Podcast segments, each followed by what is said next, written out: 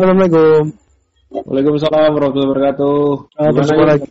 Alhamdulillah sehat. Gimana Gali? Saya kabarnya? Sehat-sehat mantap-mantap luar biasa.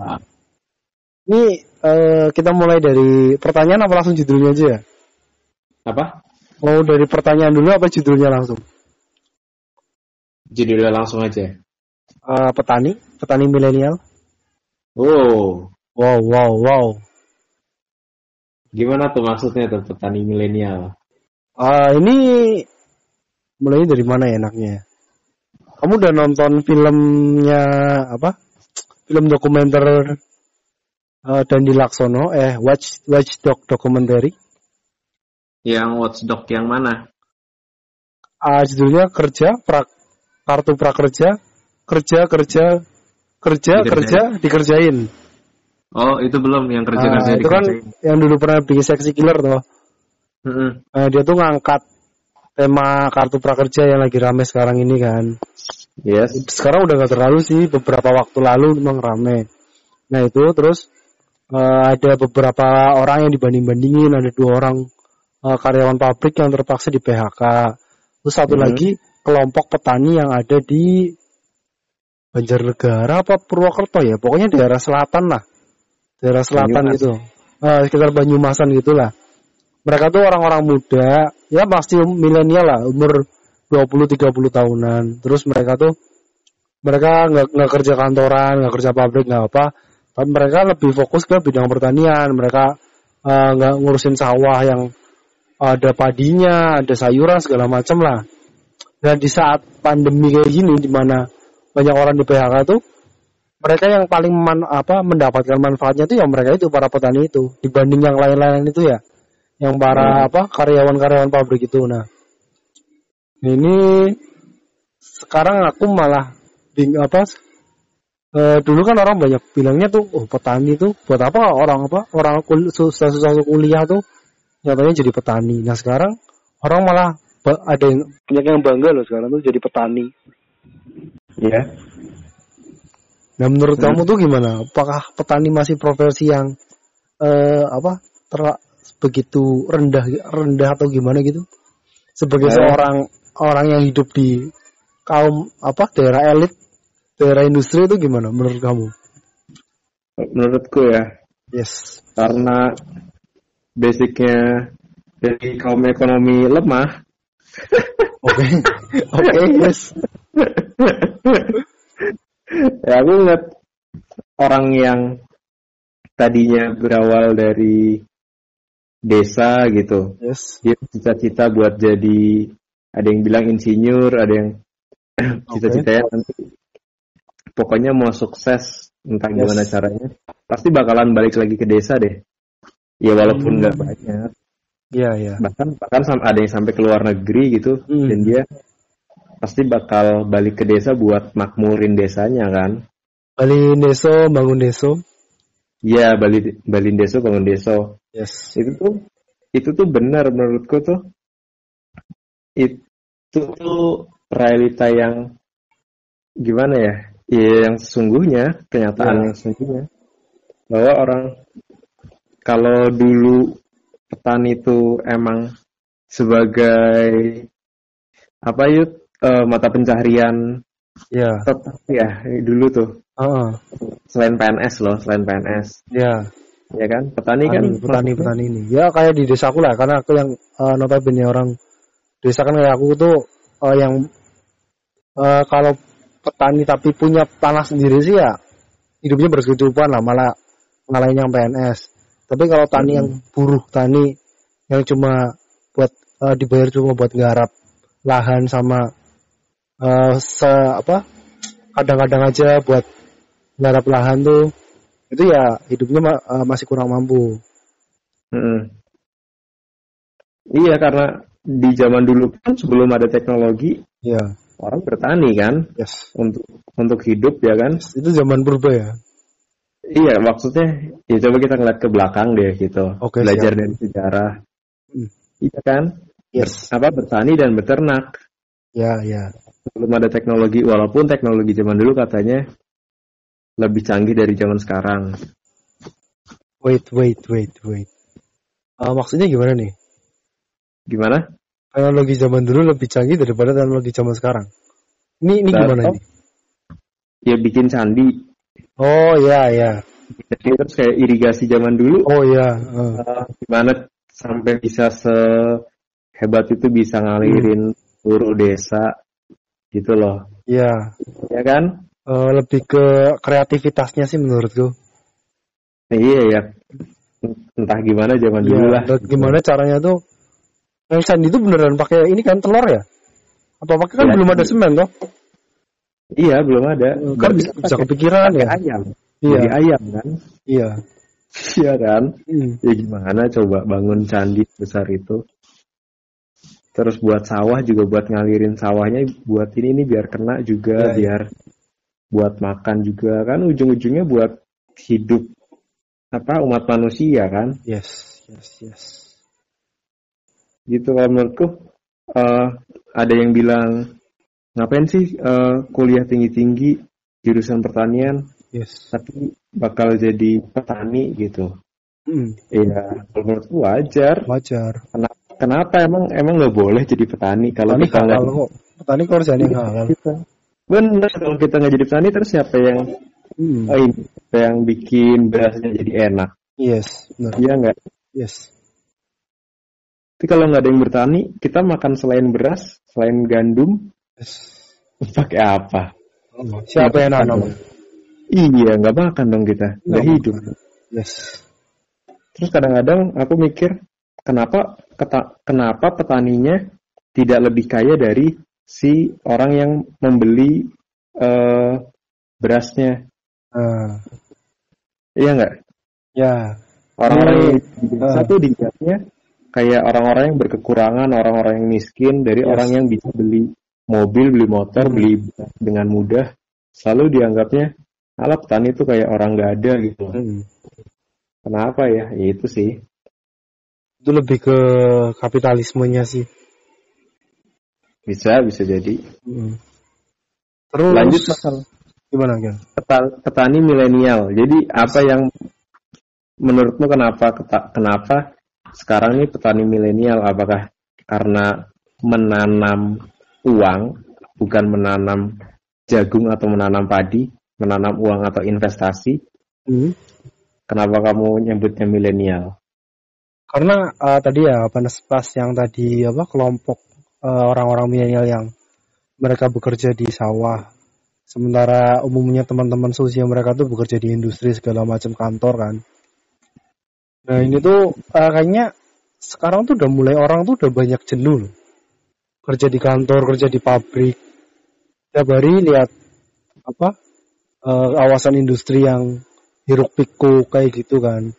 Terus mereka akhirnya pengen ah daripada kayak gini mending aku balik balik ke rumah aja nih bangun uh, ber- bertani lihat yang hijau-hijau ini kalau pendapat aku sih tapi kalau perse- uh, persepsi kamu gimana yang sebagai orang yang ada di lingkungan industri Hmm, ya kalau menurutku kalau kalau dia yang udah udah kerja ya, kalau dia yang udah Hmm. kerja di pabrik, jadi ya dia kayak jenuh jenuhnya tuh udah kerja di pabrik. Coba kalau yang belum, hmm. kan ada dua pilihan dia mau Iya. langsung ke ke pertanian ya. Iya. udah. Nggak mau nggak mau ibaratnya terpapar sama industri-industri gitu loh. Hmm. ya kan? Ya udah dia bakal milih ke situ. Gimana Iya. caranya bangunin desanya? Gimana cara biar si petani-petaninya ini makmur gitu loh. Kan petani nggak cuman apa nggarap sawah aja kan? Ya. Ya kan? Petani kan bisa ada kayak pohon-pohonan terus buah-buahan Hmm, sih? kebun kebun kebun kebun iya kan? Hmm. Kan bisa jadi komunitas kan? Ya misal ada apa kelompok kelompok tani yes, mangga kelompok tani. Iya kan? Kelompok tani yang kita sering yang dulu pernah kita temuin. Iya tuh. Alsinton survei Nah. Alsinton. Itu kan banyak kan dari situ. Terus masalah-masalah di di apa di tiap Hmm. desa juga macam mulai dari hama mulai dari tanah mulai dari kayak teknologinya gitu ya pemasarannya Eh, bukan pemasarannya sih Yud. Eh, kondisi tiap desa kan beda-beda ya iya kan hmm. misal di desa A tanahnya bagus tapi teknologinya nggak bagus gitu kan jadi nggak cocok Yes.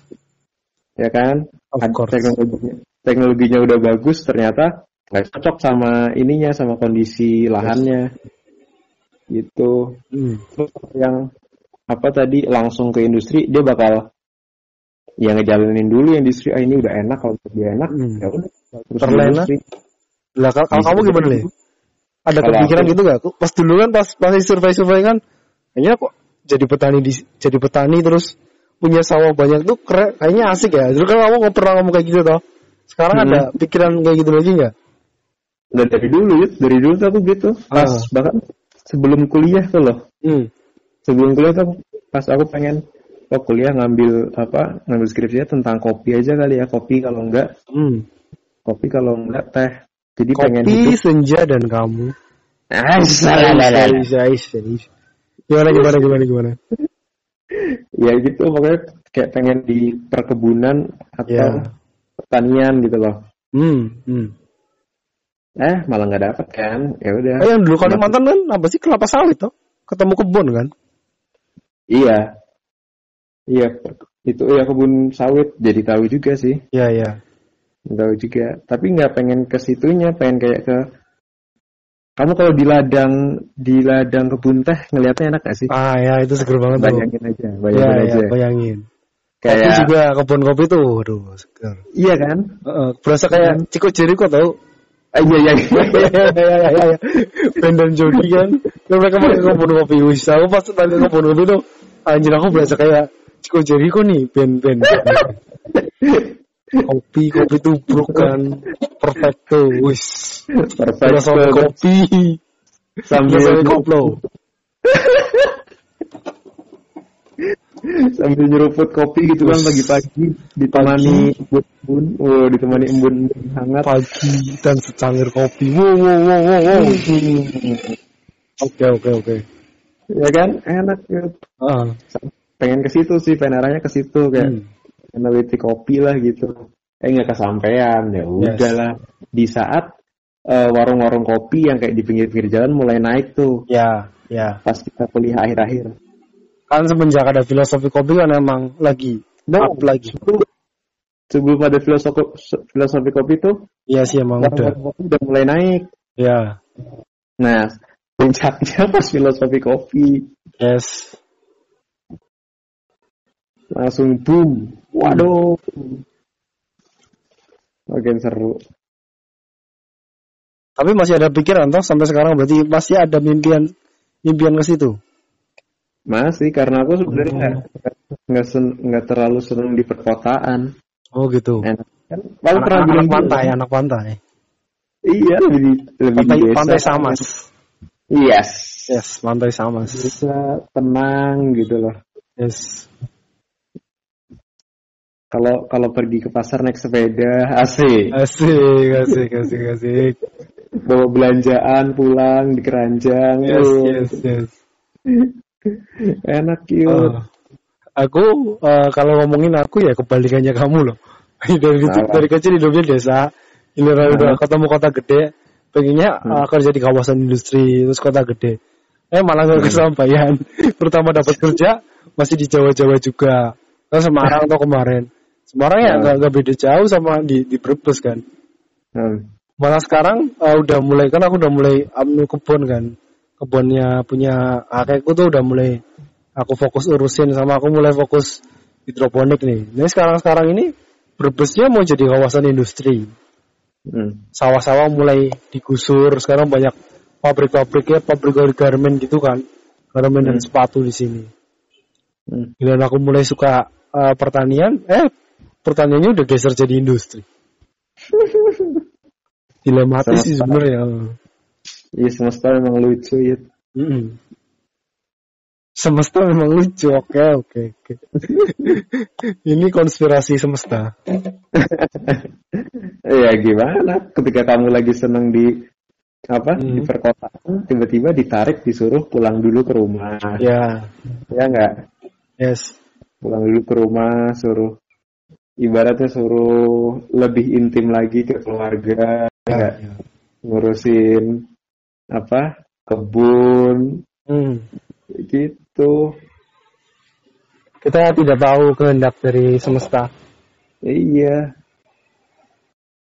Ini mana petani milenial ya? Suaranya ke mana sih ya? Sebenarnya kalau judulnya petani aja sih, bukan petani milenial sih. Ya kak. Menurut itu, Mbak, Mbak Rahma, Mbak Rahma atau Mbak Rahma? Oh Rahma yang wait wait Rahma. wait wait. Yang di ISR, Ya itu pertanian ya? Apa apa ya? Jurusannya lingkungan. bukan jurusannya teknik perminyakan. Oh ya ya ya ya ya. Temennya Mas Chandra, Chandra Wibisono. Mm Ya. Mas Fatur juga, Mas Fatur. Oke, yes. Iya tahu kan? Ya. Nah itu tuh dia kan dapat S2 ke Inggris, Oh keren ya. Tahu nggak? Ya. Dapat S2 ke Inggris di Newcastle, entah jurusannya apa gitu, aku lupa. Newcastle, United. Yes, Newcastle United. Oke. Balik balik ke Indonesia, Yes. dia bikin kayak apa ya kebun di atas rumah Hidroponik. rooftop Ya, rooftop rooftop, rooftop Apa? hidroponik. iya gitu pokoknya di atas Hmm. semenjak semenjak itu rame tuh banyak yang berkunjung ke kebunnya Mbak Rahma ini Ya. setelah rame Mbak Rahma akhirnya banyak ngisi ini banyak ngisi kayak seminar-seminar Hmm, hmm. di online gitu Yes, yes. rame dari situ juga Oh, padahal dia tuh ilmunya tuh perminyakan ya. Mm-mm, dari Disiplin ilmunya belum perminyakan, tapi ini eh, umum sih sebenarnya. lingkungannya Heeh. Ini malah ironisnya tuh orang-orang pertanian tuh malah biasanya nggak fokus ke pertanian loh, Li. oh iya banyak kebang Banyak kebang aku malah Buktinya IPB Institut Pertanian Bogor jadi Institut Perbankan. isu perbankan. Enggak enggak Pak. Institut. Pegawai Bank. Bercanda. Iya, IPB, Institut Pegawai Bank. iya kan?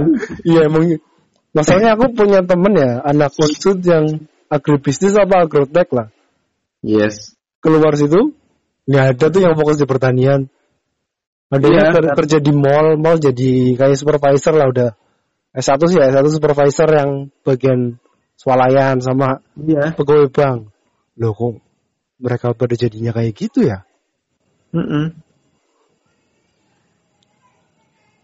Apa yang salah ya menurutmu? Bukan apa malah yang salah. ya? menurutku malah setelah mereka tahu ilmu pertanian malah kayaknya mereka jenuh atau mereka tuh tahu "Duh, kayaknya pertanian Indonesia tuh udah nggak bisa diharapin deh.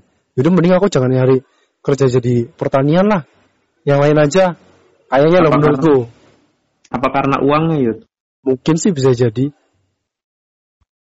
Iya realistis kali ya. iya mereka realistis. Tapi malah orang-orang yang di luar bidang pertanian itu malah yang su- malah suka lebih menggemari. Iya lebih kayak leb- apa eh, penasaran banget sama Iya. pertaniannya. ya. itu Wiranegara malah jadi komika istilah si Alkena Destilasi Hujan alkohol. itu satu persen air, 99 persen kenangan. Ah yes. Ah, yes, yes, yes. Duh, Hujan itu, oh yes, anak indie. Uh, baca tweetnya Mas Wira tuh ampun ampun. Ampun, ampun. Saya udah gak bikin video-video lagi kan. Dulu bikin video Insta story. Ini biasanya editan-editan.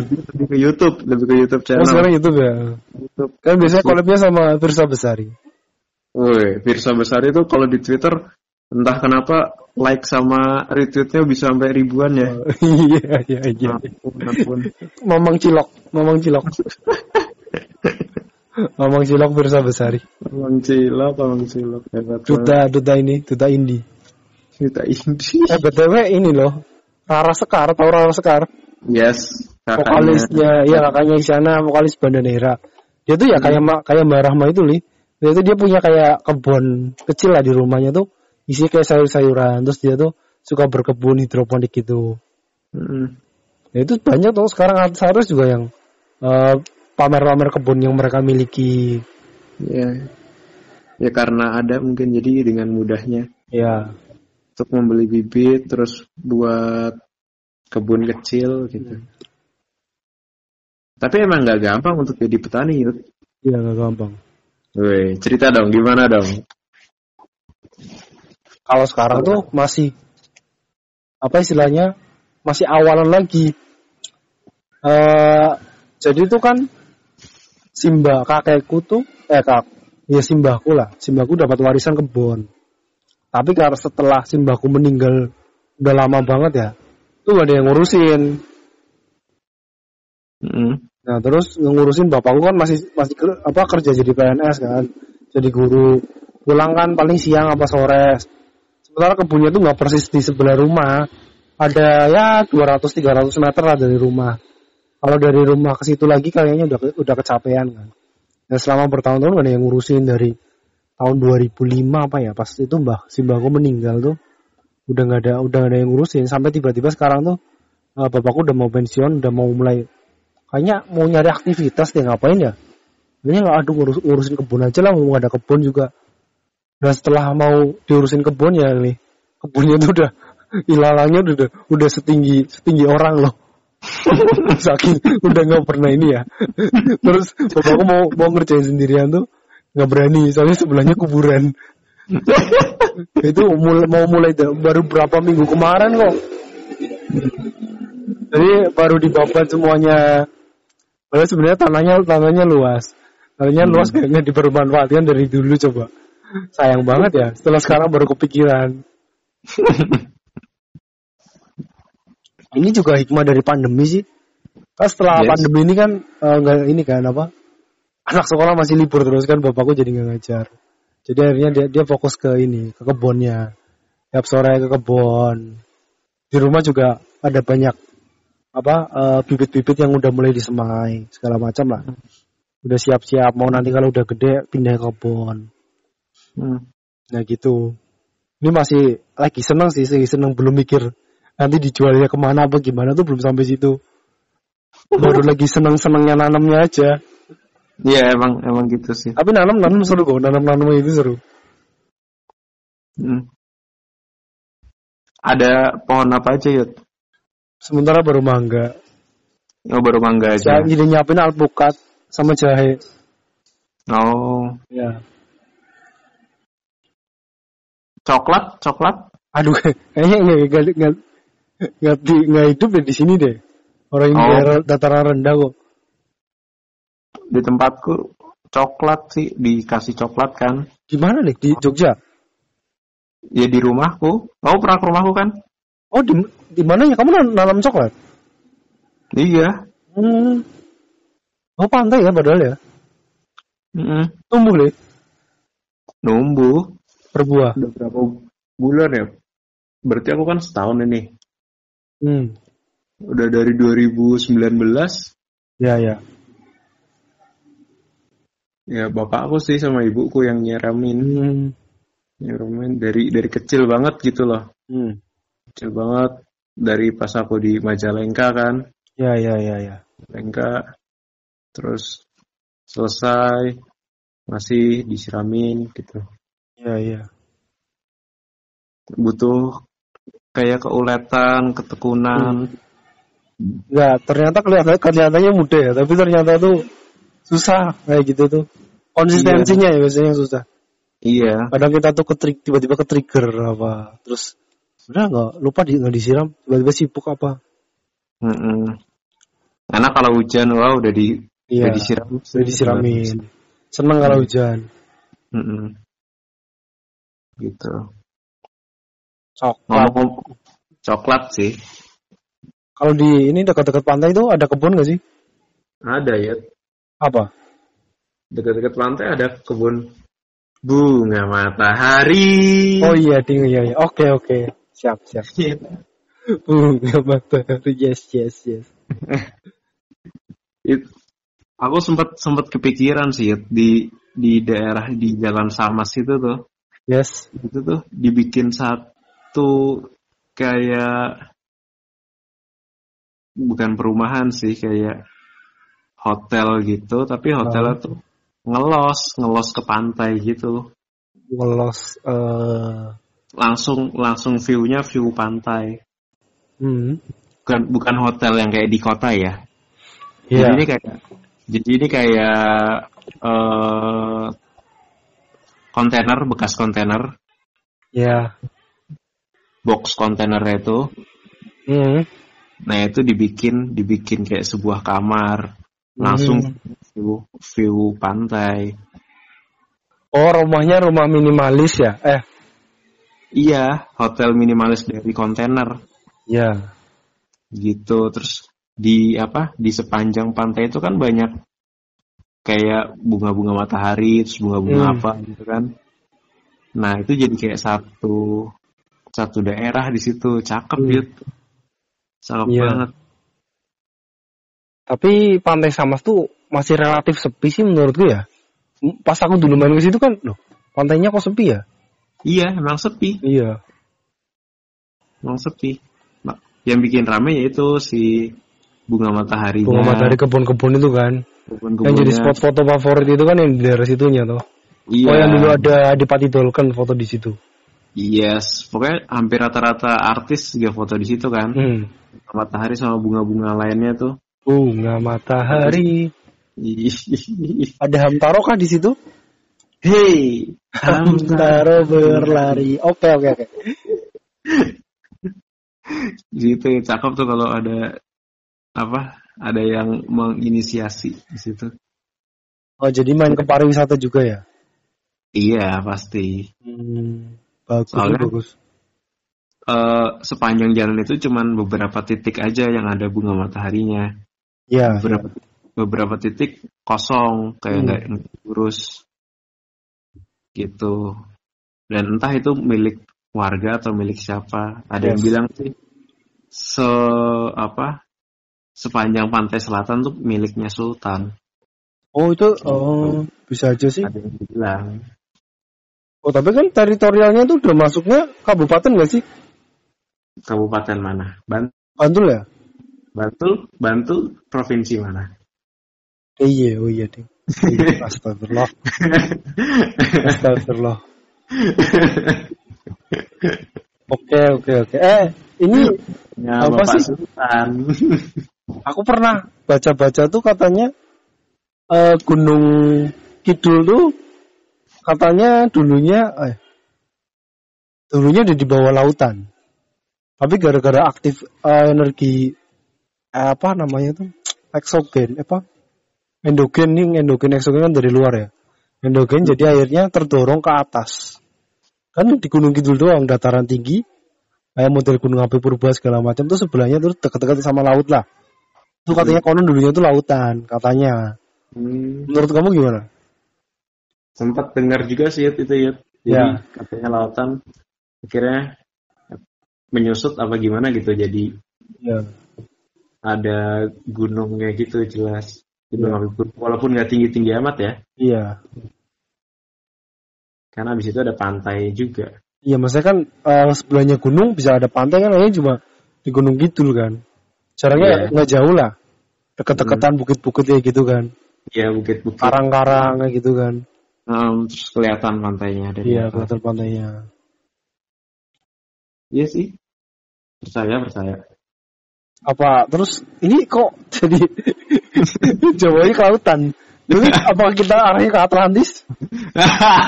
Atlantis gimana kalau ke Atlantis tuh BTW, orang Atlantis tuh punya pertanyaan gak ya? Nanti di situ ada sebuah pulau yang dihuni oleh Dajjal.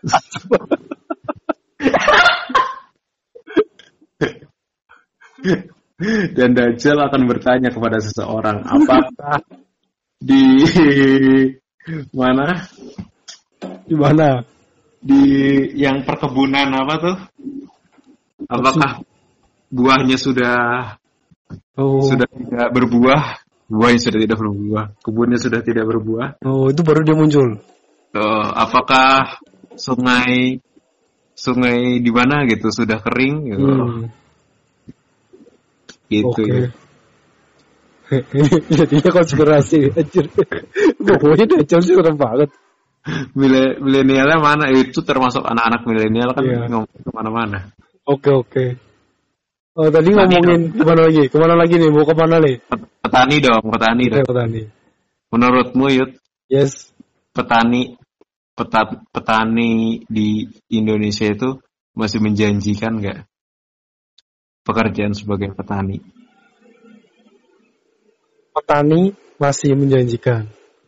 Sem, apa se, uh, kalau selama eh misal selama orang masih mau makan uh, sayur-sayuran dan bahan-bahan organik itu pasti tetap ada. Mm. Tapi sekarang sudah main permainan, ada apa-apa serba impor, apa-apa serba impor. Jadi Mm. petani malah merugi. Padahal sebenarnya kualitas sayuran kita juga nggak kalah. Hasil-hasil Mm. pam- panen kita juga nggak kalah sama kualitas impor kan. Mm. Se- eh, terus kan budaya hidup sehat kan sekarang malah apa malah kencang loh sekarang. Yes. Apalagi dengan ada corona tuh orang-orang eh, minum kayak apa tuh namanya rempah-rempah hempon-hempon tuh suka loh sekarang orang jahe, kunyit Hmm. segala macam tuh. Mereka sekarang lagi rame diburu kayak toko-toko herbal tuh di saat yang lain krisis. Terus sekarang malah malah apa orang-orang beli obat apa eh, kayak jamu gitu toko-toko herbal lah itu malah, malah naik. Ini aku ada kenalan kan, kenalanku oh ini apa ke bisnis di bidang toko herbal kayak gitulah. Dan memang Hmm. sekarang tuh lagi naik masalah orang-orang kepedulian orang kesehatan tuh naik. Mm. Jadi masih menjanjikan ya? Masih sih. Kalau menurut lu gimana? Ya masih sih sama. Masih juga. Tapi kan banyak tapinya. Hmm, terus sekarang eh, banyak anak muda yang membuat aplikasi untuk si petaninya juga mulai diberdayakan. Jadi Ya. bisa bisa langsung beli ke petani, bisa langsung beli tanpa melalui eh, si agen tuh loh. Kan yang Ya. yang banyak duitnya kan si agen kan, Hmm, hmm. Bukan petaninya kan. Ya. Misal misal aku pet- misal aku pet- eh kamu petani, aku Ya. agen. Terus kamu agen. Eh, kamu jual misal manggamu ke Hmm. aku Yes. seribu gitu kan. Hmm. Aku jual ke orang lain 1500. Ah, Alasan untung untungnya di kamu. iya kan untungnya di aku bukan di Hmm. kamu kan. Padahal yang rawat, yang nanem, yang Hmm. eh, membuat mangga itu enak kan kamu kan. Ya. Kenapa yang dapat untung aku? Gitu Jadi akhirnya. emang sih logikanya logika ininya kayak gitu ya, Li. Tapi Iya, eh, dari dulu loh Yud, kenapa tuh nggak nggak eh, nggak difatahkan atau maksudnya budaya kali ya budaya dari zaman Iya. dulunya ya. tapi aku tuh lihat belajar dari temanku yang apa punya co- coffee shop itu toh. Mm-mm. Tapi misal dari dari apa dari awal ya, misal dari hulu tuh orang nanem sampai Hmm. cu- udah dalam produk jadi sudah siap dikonsumsi, dipikirin sama satu orang, tuh orangnya Hmm. keteteran, Mm-mm. itu susah. Misal Hmm. kayak kopi tuh kan, dia dapat misalnya dari Gayo tuh, kopi Arabica Aceh Gayo tuh. Kalau misal orangnya apa panen punya kebun sendiri, panen sendiri, terus di di apa dikupas, di roasting sendiri sampai siap jual bijian atau udah bubuk tuh, tuh orangnya mesti pusing banget. Kalau nggak orangnya mesti kaya raya banget. Soalnya modalnya tuh gede banget nih. Mm-mm. Malah jadi itu aku malah pikir kan temanku fokusnya di hilirnya kan. Itu cuma ngambil ada distributornya, ada distributor lagi udah di roasting, cuma ambil ya ambil dia mikir untungnya lah, udah udah ini udah segini untung nih. Terus dia jual. Itu dia, dia dapat untungnya udah lumayan gede. Meskipun dari petaninya juga harganya emang jauh lebih murah. Nah, menurutku kalau misal semuanya dipikirin sama uh, sama petani atau kelompok taninya itu malah nggak bisa li. Jadi kamu tuh kayak jadi Superman. Semuanya pengen kamu ini apa? eh kamu atasi semuanya. Oke, Masuk. kan masukkan yang maksudnya yang berjuang buat nanam dari awal kan si petani. Ya, Tapi emang kenapa begitu. Iya. dapat dapat banyak untungnya si apa? Si yang di hilirnya ini. Kalau bicara keuntungan sih kayaknya kita nggak tahu modal ini nih, modalnya petaninya sih li. Petaninya juga semestinya dapat untung pas eh eh, pas aku nonton yang kemarin eh, di YouTube tuh ada petani kopi Aceh Gayo kan. Sekali panen tuh dapat tiga karung apa ya? Tiga karung tuh dapatnya bisa sampai berapa juta? Mm. Berapa juta dia tuh untung juga. Terus kan ada yang distributor, distributor juga jalanin tugasnya, dia juga dapat untung juga. Mm-mm. Ya itu mereka tuh mereka mereka semuanya dapat untung. Ya kalau pengen lebih lagi ya mikirin kapasitas produksinya, jangan mikirin ngolah sendiri. Kalau pro- semuanya dipikirin semuanya, malah jadi keteteran nih. Eh, kalau aku sih pandangan lu kayak gitu ya. Mm. Gimana? Iya, makanya makanya sekarang para anak-anak milenial, Hmm. anak-anak yang maksudnya yang habis lulus gitu yang di, fokus di bidang IT atau bidang pertanian, dia Yes. kerjasama gimana caranya nih si petani bisa untung lebih besar dari si distributor. Ya, Karena yang diuntungkan kan distributor. ya biasanya gue ya. iya tengkulak. Te- Iya tengkulak Oh. gitu loh. Yakin tengkulaknya itu. Makanya si anak-anak milenial ini gimana caranya Hmm. si petani yang untung lebih besar bisa langsung ketemu si konsumen. Iya kan? Iya, Jadi konsumennya langsung tahu oh ternyata prosesnya kayak gini kayak gini kayak gini ya. gitu ya kan jadi tahu oh harganya sebenarnya cuma segini Hmm. ya kan ada Iya. aplikasi apa gitu aku lupa dulu ada ada, ada beberapa banyak kok udah mulai Iya, banyak iya. Ada ada tahu kayak gitu tahu. Bisa juga sih sebenarnya kayak gitu. Tapi Bahkan ya sih emang iya. biasanya tuh mainnya gak kira-kira, main untung aja ya. Langsung nem- nembaknya tuh bisa untungnya sampai berpuluh berkali-kali lipat lah biasanya. Iya ya karena itu alasannya tadi dia yang ngambil ke petani dia Iya, yang jatuh gak malah nggak mikirin perasaannya petani. Petaninya dapat untung segini kan harusnya kan emang ya minimal sama. Harusnya malah sih bang paling untung kan petani orang dia yang produksi kok. iya dia yang garap lagi Iya. Yang tanam dia yang garap Ini kayak dulu ceritanya Ben dan John, Ben dan, dan Jody nih filosofi kopi nih. yang mana tuh Ini kayaknya nggak nggak di nggak di filmnya ya kalau nggak salah tuh di web seriesnya. oh web seriesnya Yang apa sih? Yang Mitsubishi apa ya? Sama kolaborasi sama iklan mobil apa ya? Itu kan waktu itu Jodinya kan, Jody kan yang ngurus bisnisnya kan. Si Ben kan si Chico Jericho-nya kan eh, barista. Suatu Mm-mm. ketika mereka datang ke eh, mereka dapat ini biji kopi itu eh, biji kopi udah siap panen, sudah siap seduh kan. Itu harganya agak mahal. Terus mereka nelusurin, nelusurin ke petani asalnya. Petani asalnya ternyata jualnya murah banget. Pas mereka tahu, ah, anjir kok, kok pas dijual di kita udah mahal banget ya. Ternyata ini tengkulak yang ki- distributor yang kita dapetin tuh ngambil untungnya nggak kira-kira kan si jodinya tuh terkenal gober lah pelit Iya, Jadi ternyata cuan- ada yang lebih. Iya ada yang lebih gober daripada si Jody. Ternyata Hmm. ada yang lebih kikir lah yang ngambil untung banyak daripada si Jody. Sampai situ Jodinya, "Ah, anjir ini malah nggak menghargai petani banget nih.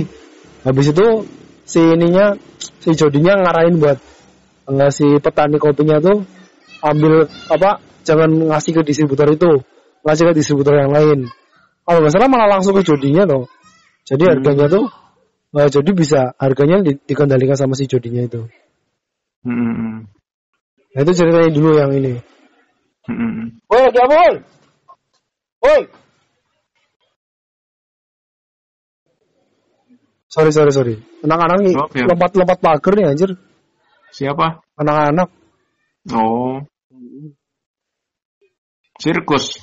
Anjir sirkus. Enggak, enggak, enggak. Lagi main petak umpet. anjir nih. Kabar bocah-bocah. Malam minggu. depan rumah lagi anjir.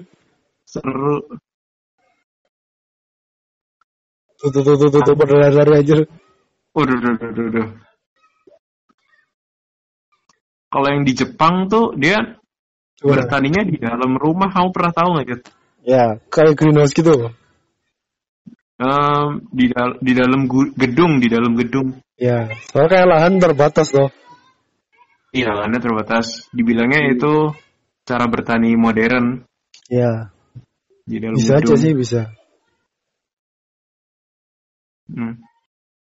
Jepang kan apa luas wilayahnya nggak terlalu banyak ya nggak terlalu luas lah wilayahnya terus mereka memanfaatkan apa yang mereka miliki lah jadi gedung Iya. aja bisa buat pertanian kok dengan lahan seminimal mungkin berarti Hmm. sekarang rame-rame hidroponik berkebun dengan apa eh, dengan lahan yang Air. sedikit Iya.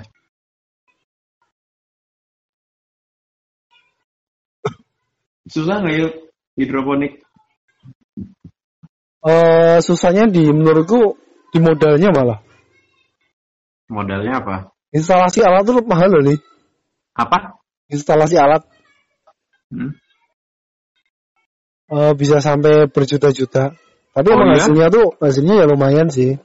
Bukan bukan pakai pipa aja. Eh, pipa-pipa tuh mahal juga. Temanku ada yang kemarin survei bareng partnerku tuh. Hah? Dia tuh sekarang nanam-nanam selada kan buat hidroponik. Dia bikin Hah? greenhouse segala macam loh. Bisa Hah? habisnya tuh sampai 10 juta lebih kok. Wow. Padahal itu 10 juta. Ukuran 5 kali 4 apa ya? Pokoknya se- sekam- kamar tapi agak gede lah. Hidro Hmm. ininya greenhouse. Ini greenhouse cuma plastik-plastik gitulah. Itu, Ja, itu mahal katanya instalasi peralon-peralon segala macamnya tuh mahal tuh. Ada kali 10 juta. Hmm. Udah jadi satu motor ya. Iya, segituan lah.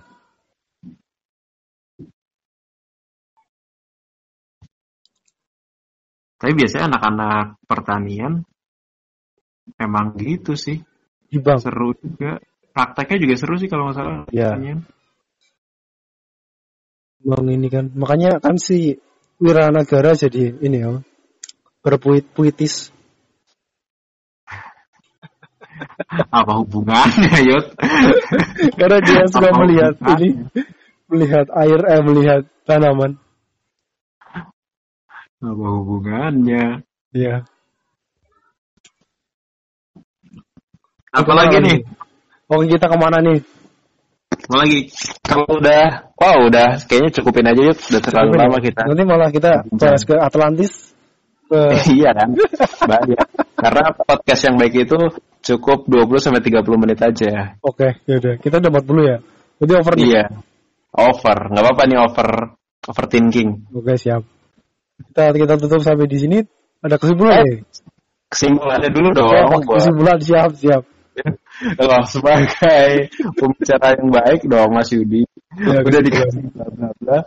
Kesimpulannya apa nih? Oh, kesimpulannya menjadi petani masih cukup potensial. Yes. Terus apa lagi nih? Kamu nambahin apa? Yes. Tetap jaga kesehatan. Kampret ya. Pokoknya, pokoknya kalau mau kalau mau menjadi petani, ya udah fokus aja. Pasti kamu bakalan nemuin sesuatu yang Sesuatu- indah. Sesuatu yang indah. Indah pada waktunya. Asik. Indah, indah Retno Wulandari bukan nih? Aduh. Aduh. Nanti Indah, di tag Indah Dewi, itu. Indah Dewi Pertiwi. Aduh, aduh, aduh, aduh, aduh, aduh. Oke, Indah, Indah Purnama. Indah Retno Wulandari. IRW, IRW. Iyalah, boleh, boleh, boleh, boleh. Oke, oke. Di petani itu masih menjanjikan ya, Mas Yudi. Insya Allah. Insya Allah selalu Insya Allah. Berkah. Benar-benar, Oke. insya Allah berkah. Insya Allah berkah. Oke, Amin. selesai. Kita tutup untuk episode kali ini. Wassalamualaikum warahmatullahi wabarakatuh. Waalaikumsalam warahmatullahi wabarakatuh. Jaya, jaya, jaya.